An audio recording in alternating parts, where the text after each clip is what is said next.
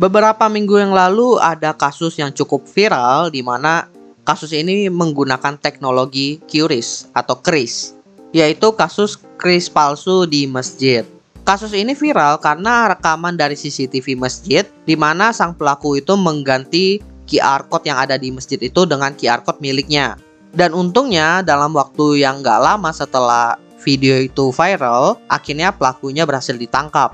Tapi menurut gua yang perlu kita ketahui dari kasus ini ya, meskipun nama kasusnya itu adalah kris palsu, tapi sebenarnya QR code yang dipakai itu asli, benar-benar QR code yang sah, diterbitkan oleh lembaga lah. Cuma ketika kita menggunakan QR code tersebut, uang kita akan tertransfer ke rekening yang berbeda.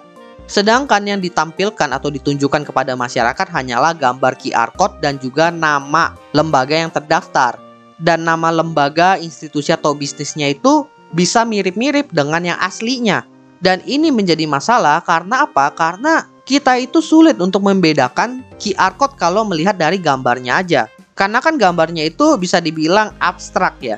Bukan gambar yang gampang dipahami oleh manusia dengan tatapan mata sekilas. Ditambah juga ketika kita melihat sekilas nama dari institusi yang tercantum di atas QR code-nya itu, kalau namanya mirip-mirip, kita nggak curiga.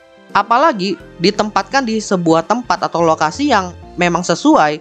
Dalam kasus ini, nama aslinya itu kan restorasi masjid. Sedangkan QR code-nya pelaku namanya restorasi masjid. Cuma beda E dan A. Tapi secara penempatan namanya sesuai. Jangankan umat yang menggunakan masjidnya, petugas masjidnya pun akan kesulitan untuk membedakannya. Padahal mereka setiap hari di sana baru ketahuan mungkin ketika mereka itu ngecek rekeningnya kok nggak ada dana yang masuk tapi ngelihat banyak umat yang nge-scan. Kemudian QR code yang dihasilkan ini ini resmi dari agregatornya. Yang satu dari bank, yang satu juga dari fintech. Artinya apa? Artinya sang pelaku ini bisa aja dia itu punya QR code QR code lain dari agregator yang berbeda. Kalau si pelaku itu bisa sampai dapat dua QR code dari dua lembaga yang resmi juga, kalau dia nggak pakai jalur orang dalam atau ada pemain internal juga, berarti dia bisa mendapatkan QR code ini melalui jalur resmi dengan melakukan verifikasi juga. Jadi apakah ini salah agregator? Enggak juga. Karena proses verifikasi ini tentunya udah dipertimbangkan sedemikian rupa agar hal-hal yang tidak diinginkan itu tidak terjadi. Tapi ini mungkin adalah salah satu kasus yang tidak terduga Dampaknya ya tentunya nanti proses verifikasinya itu perlu diperketat. Karena menurut gua proses verifikasi saat ini sih udah bagus. Karena kan penggunaan kris atau QR code ini kan juga udah lama ya, tapi kasusnya baru muncul sekarang. In the end, kalau nanti pun ada peningkatan kualitas untuk proses verifikasi dan juga prosesnya diperketat, kalau ada orang niatan jahat pun bakalan tembus juga. Sekarang kita bahas dari sisi pelakunya. Apakah pelakunya ini adalah penjahat-penjahat yang biasa malingin rumah orang? Jawabannya enggak. Ini gue ambil dari finance.detik.com di mana ada beberapa informasi terkait pelaku. Pelaku sendiri adalah seorang mantan karyawan salah satu bank BUMN.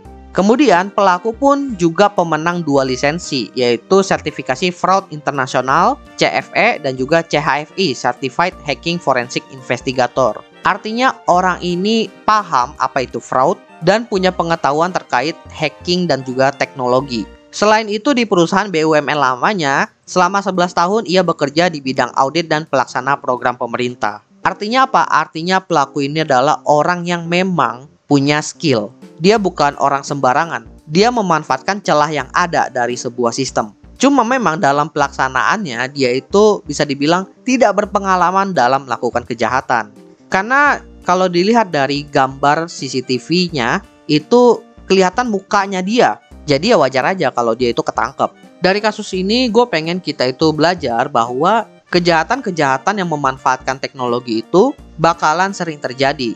Dan hal itu nggak bisa kita hindari karena apa? Karena perkembangan teknologi itu akan terus berkembang, berkembang, berkembang. Ketika muncul teknologi baru tentunya akan muncul modus-modus kejahatan yang baru juga. Karena balik lagi, teknologi itu buatan manusia pasti ada celah dan celah ini yang dimanfaatkan oleh orang-orang yang tidak bertanggung jawab. Terus kita sebagai orang awam yang gak paham teknologi kita harus apa? Apakah kita harus takut?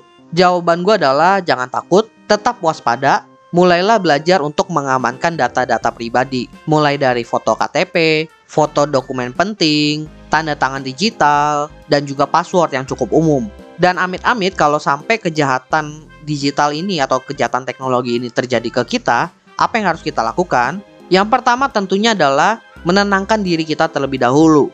Ini sulit tapi berusahalah untuk tetap tenang. Kemudian, mulailah langkah-langkah pencegahan seperti mengganti password kita atau kalau kartu ATM bisa dengan ganti PIN. Kemudian segera menghubungi pihak-pihak terkait. Misalnya seperti kasus ini kita bisa langsung menghubungi pihak bank. Setelah melaporkan ke pihak yang terkait, barulah melapor ke pihak yang berwenang seperti ke kepolisian. Setidaknya itu yang bisa gue sampaikan kepada orang awam yang bisa dibilang kurang paham dengan teknologi atau paham dengan teknologi tapi pengetahuannya tidak sedalam orang-orang yang bekerja di bidang teknologi. Oke, gue rasa itu aja sih yang pengen gue bahas di Opsiana Podcast kali ini. Semoga dengan pembahasan kasus ini bisa membuat kita lebih aware dan lebih waspada bahwa sekarang ini udah ada kejahatan dengan memanfaatkan teknologi dan kita sebagai masyarakat yang awam pun bisa menjadi korbannya. Oleh karena itu, tetaplah waspada dan mulai perdalam pengetahuan tentang keamanan data, minimal untuk yang orang awam lah.